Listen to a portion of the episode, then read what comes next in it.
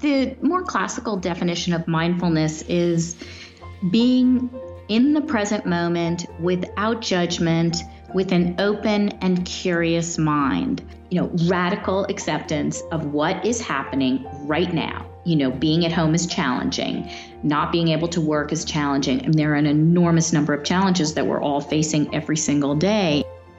That was Patricia Karpas, and you're listening to episode 167 of the Building Psychological Strength podcast, where we uncover the information, tools, and techniques to turn our mind into our most valuable asset.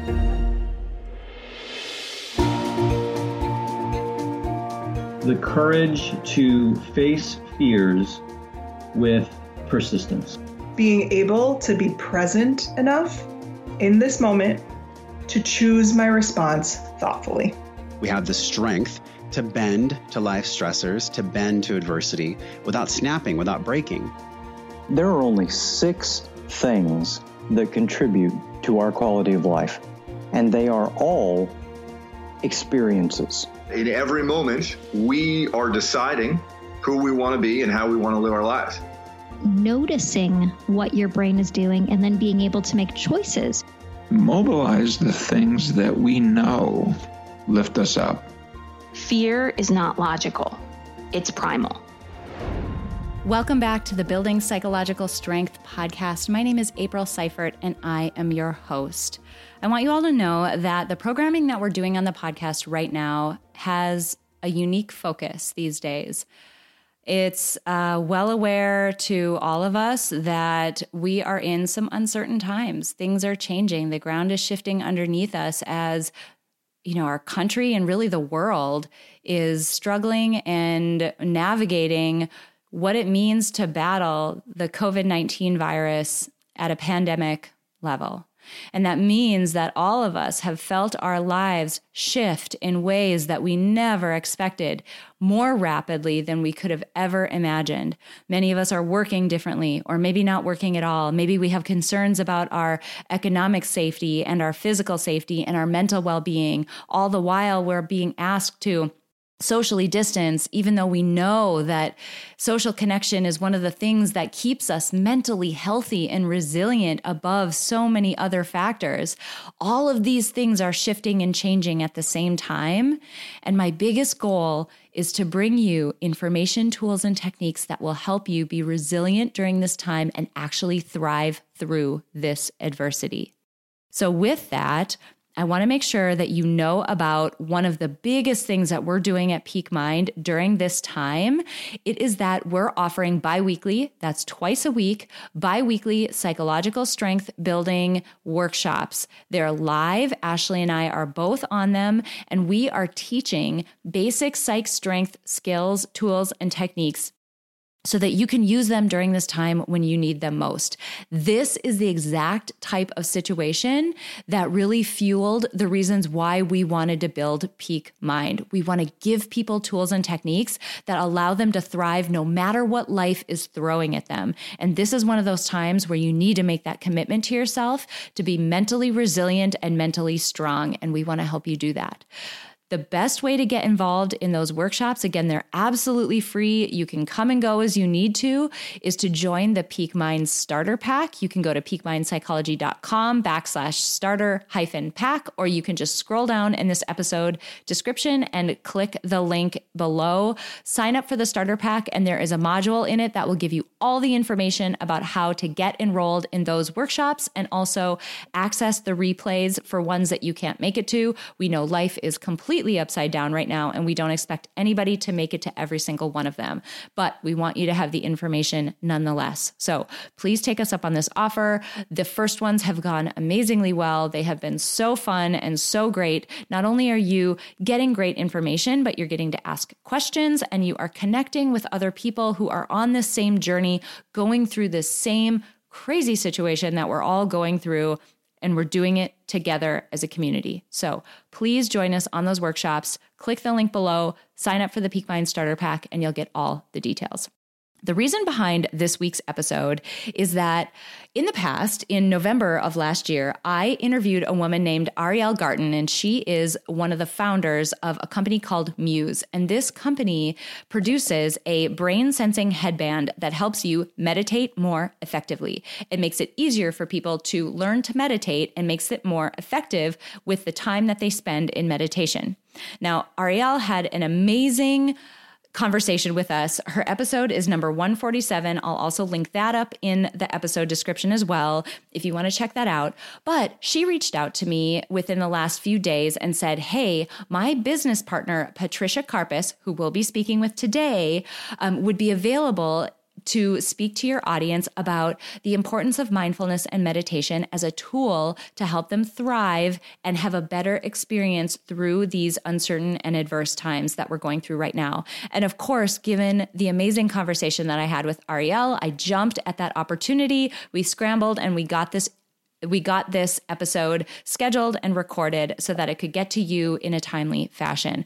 So this week, I am so excited to be speaking with Patricia Karpas. She is a former media executive, and these days, she is the head of content for Muse. Again, I mentioned that being the brain sensing headband uh, meditation company, and she's also the co founder of something called Meditation Studio. It is a five star app to help people um, go through guided and visualizations and meditations. She's also the host of the Untangled podcast, and she is an expert in the areas of mindfulness and meditation. In this episode, we have a powerful and jam packed conversation. There is value and amazing content in every single minute of this episode. And I'm so thrilled about that. We do a quick blip on what mindfulness means, but particularly what it means in times that are as uncertain and strange as what we're going through now. We talk about the benefits of med- meditation, both the benefits that you'll experience now and also what you'll experience as we return to our normal lives. We talk about breath work and the importance there. Um, we talk about a little bit of brain science, not a ton, but a little bit. Um, the importance of gratitude, the importance of separating from your thoughts. I mean, there is so much goodness in this episode. We also go through a big list of resources. There's a book, there's some free meditation content. I mean, this is stuff that will get you started right now. So I'm absolutely thrilled about this episode. I'm absolutely thrilled to be speaking with Patricia on today's episode. And I so hope that all of you get out of this episode something tangible and actionable that you can do right now to help yourself out during this experience that is very adverse for so many of us. Before we dive into the episode, I just want to extend my sincerest, just love to everyone in this community. It's a time of social distancing. We've mentioned that. People are starting to use technology in ways that they've never used. And that's really my goal with this podcast right now is to be a source of just stability for you, to be there for you every single Wednesday, if not more often, if I can, um, to be a source of stability for you, to bring you resources, but also just to bring you a familiar voice that you are used to listening to. So, hello from me, working from home, uh, juggling all the things, um, doing the same thing as you are. Hi. And we're all going to get through this together. I hope you're all sincerely, I hope you're all doing well and managing. And if you're having a hard time, please know that that is very normal in times like this when things are very uncertain and changing at the rapid pace that they are. Please take care of yourself. Uh, please continue to listen to these episodes and take us up on these offers. We're doing this purely for the sake of helping people get through a time that is very difficult in our country and around the world. All right, I have chatted at you enough. I'm so excited for you to hear this week's episode. Let's dive into this episode with Patricia Karpas. Patricia, I'm so excited that you're here for this episode because we're going to be going through one of the most uh, powerful and fundamental techniques that people can use as we move through the very uncertain and strange times that we're in. So, thanks so much for being with us. Yeah, it's my pleasure to be here. I'm really excited and love your podcast. Ah, wonderful. Well, we got connected through a previous guest of mine, Ariel Garten, and she was episode number 147. So, folks who, as you're listening to this, if you're really excited and jiving with what we're talking about, I would suggest you uh, take a peek at that episode as well. But what got me really excited to talk to you is obviously we are in some really interesting times right now. You know, we're recording this on March 25th. The date is actually very important because it contextualizes where we're at in terms of the COVID 19 pandemic. A lot of us, I think half the nation right now, is on some type of distancing or shelter order in their state. My state, just previous to this, just issued one. And all of the uncertainty and the disruption in our lives has caused a lot of worry and anxiety and uncertainty and just a whole slew of feelings that can be hard to deal with. So, I'm excited to talk to you because your expertise in the realm of mindfulness is something that is very uh, useful at times like these. Yeah, it's so interesting because so many of us are feeling anxiety and there's so much uncertainty and there's new information every day. And it really, you know, it challenges us to be both calm with some level of composure and also to problem solve.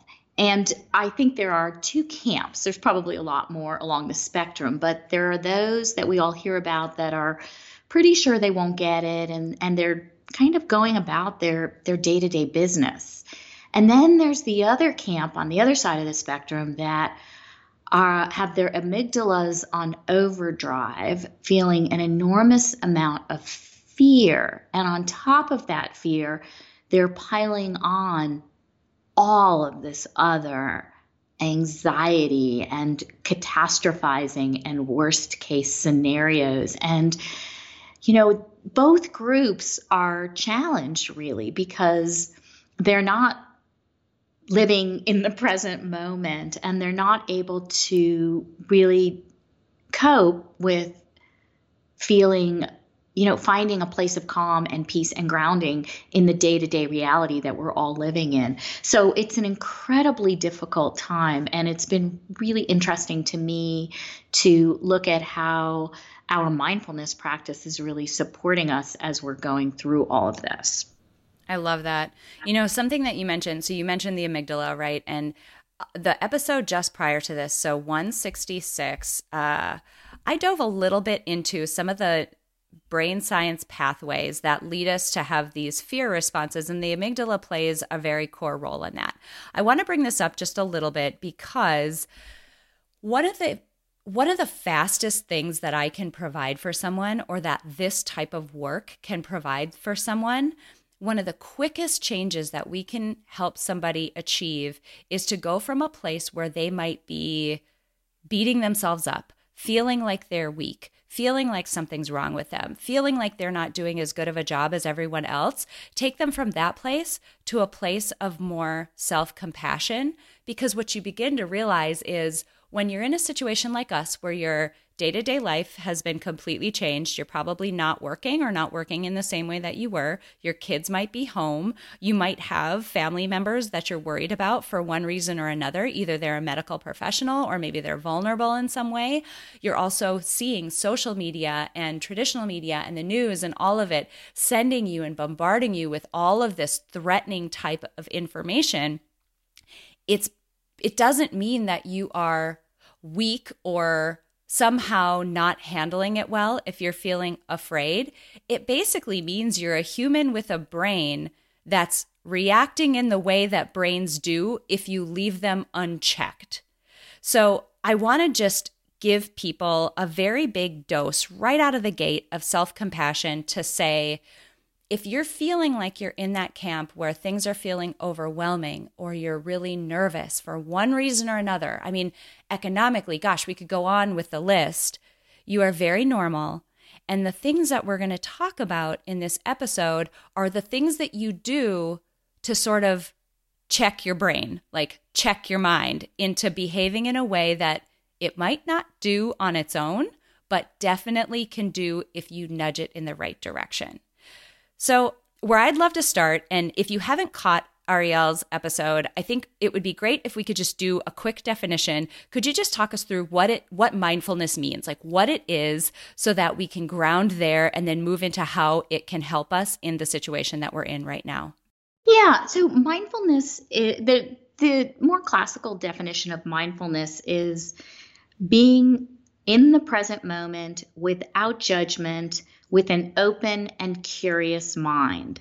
So, so let's look at what that might mean in a situation like this. Um, if we're if we have this ability to stop and to focus on our breath and to pause and to take some space between all of the news that we're hearing, all of the catastrophizing, all of all of this information that's coming out that we're talking about on a day-to-day basis and just you know acknowledge, you know, recognize and acknowledge that this is something that we're all facing right now and look at what we can actually do. And this is where our meditation practice and another a number of other practices within the mindfulness camp can really help us with this. I love that. So, you know, really what you're saying is you're taking this approach of saying, you know, uh, our minds on their own. Uh, Ashley Smith, my partner in Peak Mind, likes to talk about our minds as there's a part of your mind that's capable of representation, meaning it can conjure up images, it can fill in gaps, it can pre- it thinks it can predict the future. It can generate scenarios that look plausible as though they're happening in the future. And that part of our mind just kind of runs and does its thing. But what mindfulness does is it says, hold on, and the more you practice, the more easily able or the more likely you are to do this in a situation. Hold on, let's come back to the moment I'm in now. That situation that I'm constructing in my mind that may or may not happen, that I don't have control over because it's in the future anyway, that situation is not here. What is here? What's happening now? And you can imagine how that is a much more calming place to be than if you're allowing your mind to run rampant and you're emotionally going down that rabbit hole with it. Yeah, I mean, I love how you said that, uh, April. I think that's exactly perfect. And I think what, you know, going back to, you know, radical acceptance of what is happening right now. You know, being at home is challenging.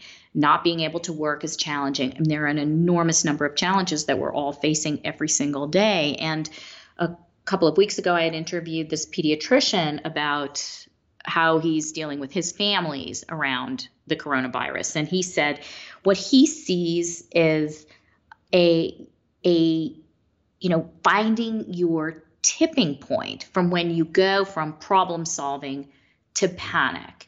And if you can just notice and be aware of where that is for you, and it's going to be different for everyone, but it really goes back to how can I find some calm, some composure? How can I make the changes and take the actions and change the habits that I need to change so that I can do the most that I can possibly do to solve the problem for myself and my family right here, right now, so that I don't tip into panic. And I think that that's where meditation really helps the most. It gives us this ability to find some level of equanimity. And, you know, I like to think of equanimity as this mental calmness and composure in the face of really difficult situations, you know, not getting. And look, this is very hard. I mean, to your point before, we have to have a compassion for ourselves, but not getting thrown upside down by the highs and lows. And there are often um, meditations that you'll hear that invite you to embody this idea of, of a mountain, for example, you know, with a strong and steady and stable base, but then with a broad view from the top. So when anxious feelings arise, you can tap into that visualization to potentially, you know, reset your view and to reestablish your sense of composure. And so I feel like many of these practices help us to come back over and over again. Yes, we're going to lose our cool. We're going to get anxious. We're going to be afraid for our children and for ourselves. But really, all we have is today.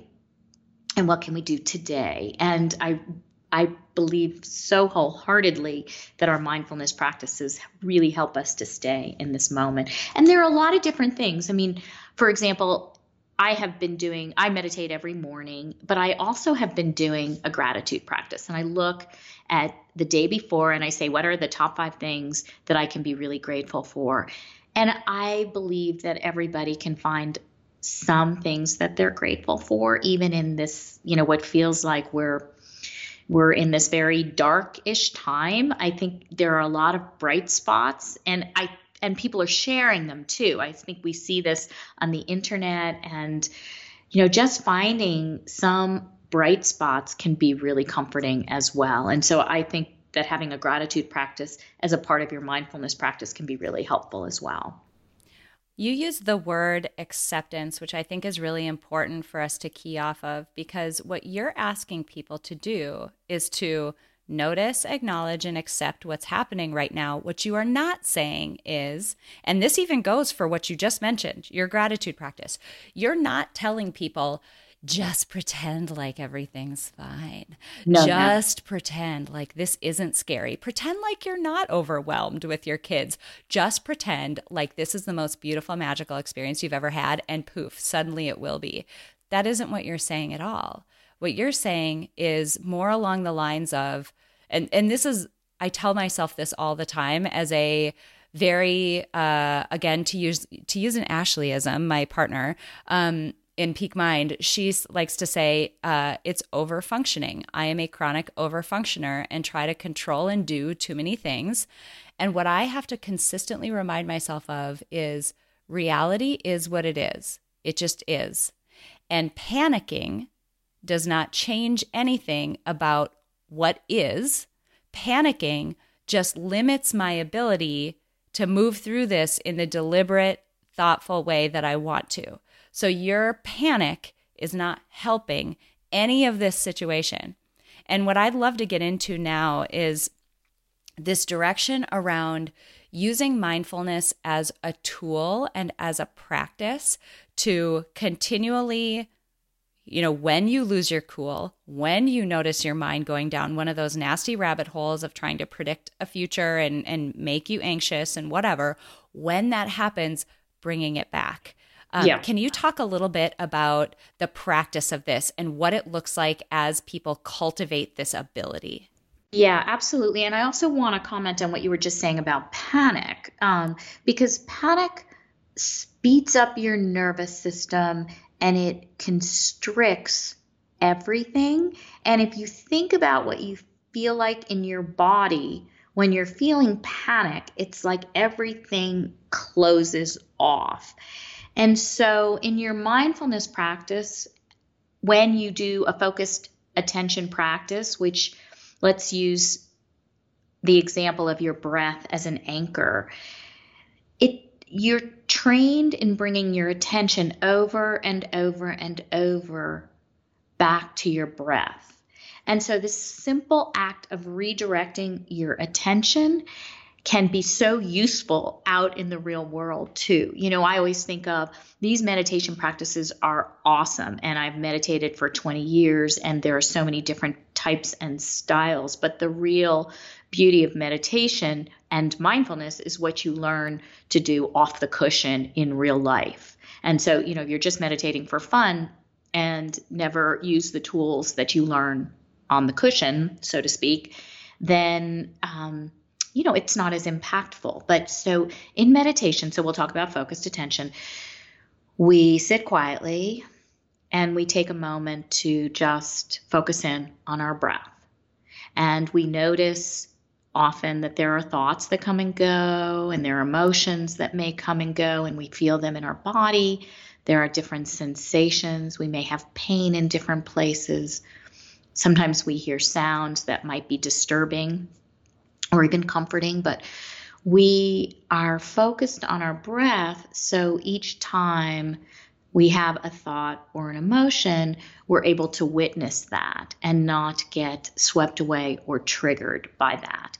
And that act of training your mind to focus on your breath, and again, there are many different types of meditation, but to focus on your breath trains you over and over to do that in real life. So when there's all of this chaos in the air, and look, this happens, I mean, we are in a hyper chaotic situation, but our everyday lives are filled with chaos too.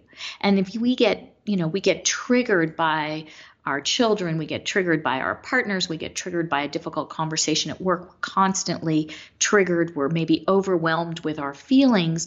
The practice of meditation really helps us to stabilize, to create strength, and to create this ability to really, you know, come back to our breath, which is the most powerful thing we can do. Someone once said to me, um, "Your breath is like uh, it's a it's like a free app that you can take with you anywhere, because you can always come back to your breath." And I find that so I find that so comforting. I come back to that all the time. So, um, yeah, I think that that that is just a wonderful way that mindfulness practices can really help us you know focus in on the moment on what's important right here right now. The other thing i want to mention is that you were you were talking before we were both talking actually about the amygdala getting triggered. What happens when you're practicing meditation when you're focusing on your breath is you're strengthening your prefrontal cortex. And your prefrontal cortex is a little bit like the ceo of your mind and body. It it seems to have the most composure when we need it. It's almost like this wise mind. And so when you get triggered by something and your amygdala gets hooked, your prefrontal cortex can step in more quickly to help you to stay more calm and grounded in any particular moment. So these practices have very much a, you know, brain impact, physiological impact. There's been a lot of research that supports all of these findings. Uh, so now there's never really been a better time to meditate. Um, I agree. I totally agree. Something that we say often uh, within Peak Mind is that our minds are incredibly powerful, uh, but they're not that sophisticated. And by that, I mean they're very powerful because the emotions and the physiological impact of fear or of panic mm-hmm. that's very real and it's very powerful and the experience of it can be all encompassing and can literally shut you down in i mean so quickly that's powerful but what's great about our minds is they're not that sophisticated. And by that, I mean, if you continually ask it, like intentionally ask it to do something over and over and over, so you make a practice out of it, eventually, and it doesn't take as long as you think, it will catch on and it will start to do that thing without you having to prompt it as much. So, oh, a great example of this, and you mentioned gratitude before, I, w- I want to just reiterate that because it's so dang important. Um, with gratitude, if you develop a gratitude practice and you start deciding, okay, every single day I'm going to look for five things, three things, name your number that mm-hmm. I'm grateful for. And you do that every single night before you go to bed, every night before you go to bed. At some point, and at, in the beginning, you're going to be looking, you're going to forget. And then at night, you're going to be like, dang it, what did I write down? Like, what do I write down? What am I grateful for today? You'll notice two weeks, three weeks in, maybe, you're going to wake up in the morning and your mind is instantly going to say, start looking for something that you're grateful for because you're going to make me write it down anyway at the end of the day. And do you know how different your day is when you yeah. get up searching for gratitude versus blindly moving through your day and missing all those details? It is fundamentally different. I love that you're saying that. It makes me laugh because when I started doing this practice, and I've been doing it for a while now, sometimes I really could only think of three things. And then I would write, it was sunny for 20 minutes yesterday and I loved my coffee. And, you know, each day I would, it would become easier and easier for me to find even little things that I felt really grateful for. And the truth is, you know, without sounding too, I don't know what this sounds like, but I mean, there are really beautiful things in our lives right now. And if all, it's almost like when you have pain in your body, all you see is the pain or all you feel is the pain. You know you you get a splinter and that's all you can focus on is the splinter. But meanwhile every other part of your body feels pretty great. And if we can train our minds to feel you know all the other things that are good in our lives even when we're in a situation like this it can be really helpful i mean for you with your two 20 month old and i think you said you have a 20 month old and a 3 year old and for for you to have hugs every night and to be able to read bedtime stories in the midst of all of this chaos. I mean, there are really joyful moments that are still happening. So I think you're right. A gratitude practice really helps us to create a new habit, and it I think it also has this um, ulterior um, impact of helping us feel safe and a little bit more positive about things because we've tipped the scales on where we're focusing. Totally agree. And what I would challenge people to do is a, a beautiful friend of mine said one time, and this is so poignant right now. What if tomorrow morning you woke up and the only things you had in your life were the things that you're grateful for today. Think about your current situation. If you're sheltering in place, if you're social isolating, if you're whatever situation you're in, where you're at, given the time that this podcast yeah. episode comes out if you woke up tomorrow and those were all you had, it makes it really easy to look around and think, wow, I'm actually really grateful for my house. I'm really grateful that my husband, who's an ER physician, is not sick. I'm really grateful that I do get to tuck my kids in, and on and on. And the other thing I would challenge you to do is all of us are in a beautiful state right now to come out of this because this will end. This will that we life will go back to normal at some point. We are in a beautiful position to set ourselves up for that moment. I want you to write down everything right now that you miss. What do you miss? I miss the way that the lotion smells at my old office. I miss being able to go to a gym in public and lift heavy barbells. I miss like those things. Guess what you write down on your gratitude practice in however many weeks or months when this is over you're going to yeah. have an immediate gratitude practice written down. Like you write those things down because those are the things that you didn't have. And of course, you're grateful for them because that's why you miss them now, right? Yeah. Yes. I mean, I, I, I think that's so important is to really appreciate those things. And, you know, it goes back to another another thing that we talk about a lot in mindfulness, which is you are not your thoughts. And that drives a lot of people crazy because so many people feel like, well, these are my thoughts, this is who I am. And the truth is, your thoughts are conditioned from your history, your memories, your behavior, and often they're so on automatic pilot that really some are true and some are just not true. And I think if we stop and pause, which we do in a meditation practice, we do have the ability to choose our thoughts. And there are times where you can say, cancel, delete, reset when there are thoughts that you know aren't helpful. So I think that's really important too. The other thing that you were saying about looking at the things that you really appreciate in your life, one of the bright spots of this is that I think people are really contemplating what's most meaningful in their lives. And I hope that that sticks you know, people are reaching out to people they haven't heard from in a long time. They're taking care of their families. They're doing things that are most meaningful to them inside in their hearts. And I think that that's something that you know we can bring back into our our normal lives. I think that's a good new normal if that's where we're headed. I absolutely agree. There's a just as a heads up to everybody listening to this, there's a life design episode that will come at some point. I just don't know when it's going to be the right time. It'll be just as we're exiting the situation we're in now and moving back to something more normal, um, where we intentionally take stock of the things that we want to be different. Because my biggest fear in all of this is that yeah, people yeah. will mindlessly go back to quote normal and accept the assumptions that they made in their past life that are absolutely broken today.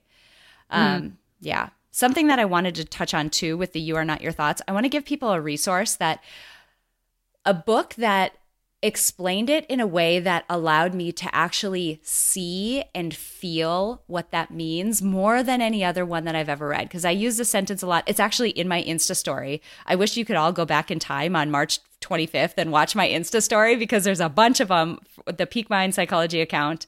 Um, maybe we'll run them again when this episode comes out. But anyway, um, there's a book called The Untethered Soul, and it is as though Buddhism and psychology had a baby, and it's this book. This book is written from a very sort of Eastern energy, um, spiritual sort of sense. But I will tell you from somebody who has studied data, like like hard data, probably 80% of what that book is saying, there is a modality in psychology. We would use different words. We would describe the mechanism through which that works differently. We wouldn't say it's energy. We would say it is thought patterns and ingrained habitual um, rumination and things like that. We would use different words, but man, does it do a beautiful job of distinguishing the difference between you, which is consciousness and awareness, the you that is looking out your eyes right now. This is what I did last week on the podcast. The you in there who can perceive your thoughts and your thoughts themselves. Like it does a beautiful job of making that distinction in a way that you can almost touch it. I'll link up that book in the this episode description, but man, that is a good one to check out. If that sentence, you are not your thoughts, just drives you crazy and you're like, what does that mean? this will really help, I promise. I'm glad you said that because it is true. People are so uncomfortable with that idea that you're not your thoughts because it it seems like everything about us is in, in our heads. And I was just reading the other day where in some cultures they define their mind as in their heart, right? Because what's the difference between the mm. mind and the brain? And we're not getting into that here. But there are some cultures that look at your mind as inside your heart, which is kind of an interesting thing. So I think all the thoughts, we have this ability to reset our thoughts or to at least witness and question them with an open and curious mind. And that's the invitation right now when you have all of these thoughts that are causing so much fear and anxiety is to potentially choose other thoughts and to maybe even read some of these books that you're recommending or we have on muse we have a stress less challenge where all the meditations are free for people. We have a Calm collection on Meditation Studio where all of those meditations are free. And there are meditations like with titles um, like Let Things Be, uh, Equanimity, Faced with Bad News. I mean, they are different from the kind of meditation I'm talking about that is focused breath. There, these are guided meditations that will help with finding new inspiration, perspectives, about what's happening right now. And sometimes we just need a guided meditation or a book like The Untethered Soul to reset our thinking so that we don't go too far down our own rabbit holes, which we all can have a tendency to do. I love that you provided those resources because that was the exact next question I was going to ask is as we're kind of winding down ways that people can get started because meditation can feel very cumbersome and scary and hard. Maybe can you, in case people haven't heard Ariel's uh, episode, can you talk yeah. a little bit about what you do, what you're all doing at Muse to just make that a little bit more um, accessible for people because it's just yeah. brilliant. Yeah, thank you so much for asking too. Because so Muse is what's called a brain sensing headband, and you can check it out at choosemuse.com or go to Amazon. But it's a headband that has sensors in it, and the sensors help to provide you with feedback on your meditation practice. So you connect it with your app, with the app, and you listen. You're you're practicing a meditation, and the headband is connected to what's going on in your brain, and the app is collecting feedback. So let me give you a more concrete example. So I'm doing a focused breath meditation with my Muse headset on. And each time I have a thought that is scary or triggering or anxiety producing, I'm going to get feedback through my headphones of weather. It might seem like stormy weather. And that's going to remind me to let those thoughts pass and go back to my breath. When I go back to my breath, the weather will equalize again and I might hear some birds chirping and birds are always a good thing when you hear them because that reminds you that you're bringing your attention back to your breath. So the meditation we have a lot of different soundscapes and there are guided meditations and there are many sleep visualizations as well. And the beauty of all of this of the headband and all of this content is that when you're practicing you can get this feedback on the dashboard to that gives you the data on how you did during your practice. So you can keep going back to a place of calm and you practice this over and over and over again. And to what April was saying, this is really an amazing way to create a new habit and to learn to meditate really, really effectively. So it's also helpful. Muse has a new sleep headband that, with all of the sleep visualizations that I was talking about, and to use this soft headband right before you go to bed to listen to these sleep visualizations, and then to get feedback the next morning on how calming yourself before you go to sleep can have a great impact on your actual sleep is also super helpful. So, so the device is um, the headband and the app. And I think it's a, this is such a great time for people to learn with their families if they're not already meditating to meditate together, to learn with the headband or to go to meditation studio which is a meditation app and there are over 700 meditations and eight different courses um, and as I mentioned, there's an SOS Calm collection in that one as well. So there's the Meditation Studio app, and then there's the Muse headband. And I think these are amazing tools to really um, practice meditation. And I wholeheartedly believe that this practice will serve us all through whatever we go through for the rest of our lives. I'm I'm a hundred percent believer in this. It's it's changed my life, but more than that, I've seen through our reviews and just through talking to so many people that it, it really does have a very positive impact on so many parts of your life. Totally agree. Absolutely agree. Thank you so much for sharing those resources. I'll make sure that I link all of those up as well in this podcast description so that you have very quick access. If you're listening to this on your phone, you can just swipe up in whatever app you're in, and there should be links below in the episode description so that you can link right over there. This has been so timely and so helpful to hear from somebody with such a deep background in an area that is a tool that can absolutely help us develop resilience and cope and even thrive through the adversity that we're in right now, but also develop some amazing habits that we can take into our normal lives uh, in the future. Um, before we wrap up today, I want to make sure that I ask you for your definition of psychological strength. Oh, right. Psychological strength. I think psychological strength is this ability, it's really what we're talking about today. It's this ability to be like the mountain. It's really its equanimity. It's this ability to find this stable, calm composure in the face of whatever is happening in our lives.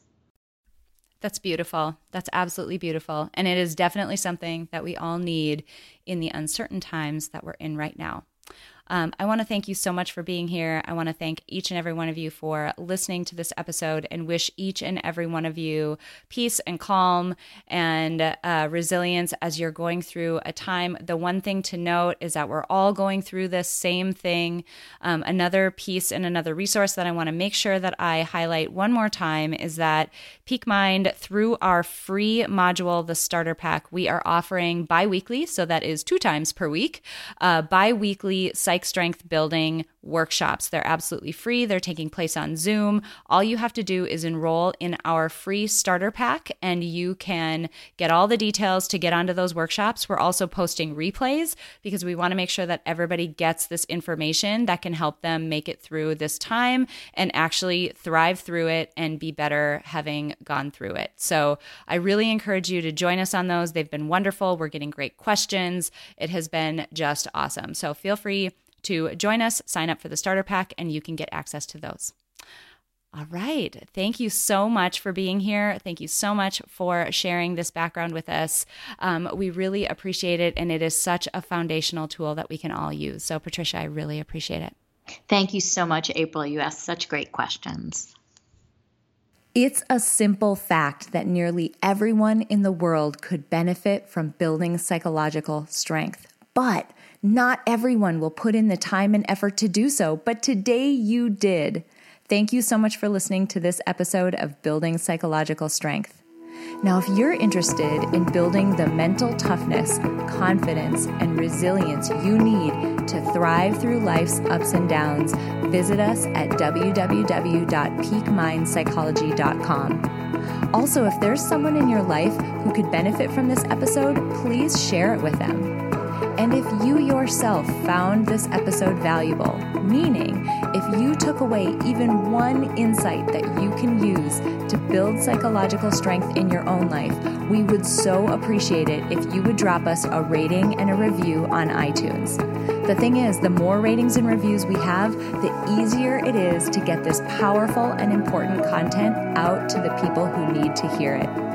Remember, your mind can be your most valuable asset or your biggest liability, and you get to choose. So choose wisely, my friend.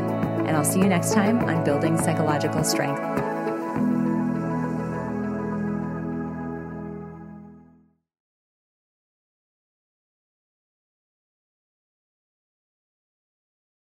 At Parker, our purpose is simple. We want to make the world a better place by working more efficiently, by using more sustainable practices by developing better technologies, we keep moving forward. With each new idea, innovation, and partnership, we're one step closer to fulfilling our purpose every single day. To find out more, visit parker.com/purpose. Parker, engineering your success. As humans, we're naturally driven by the search for better. But when it comes to hiring, the best way to search for a candidate isn't to search at all. Don't search, match with Indeed. When I was looking to hire someone, it was so slow and overwhelming.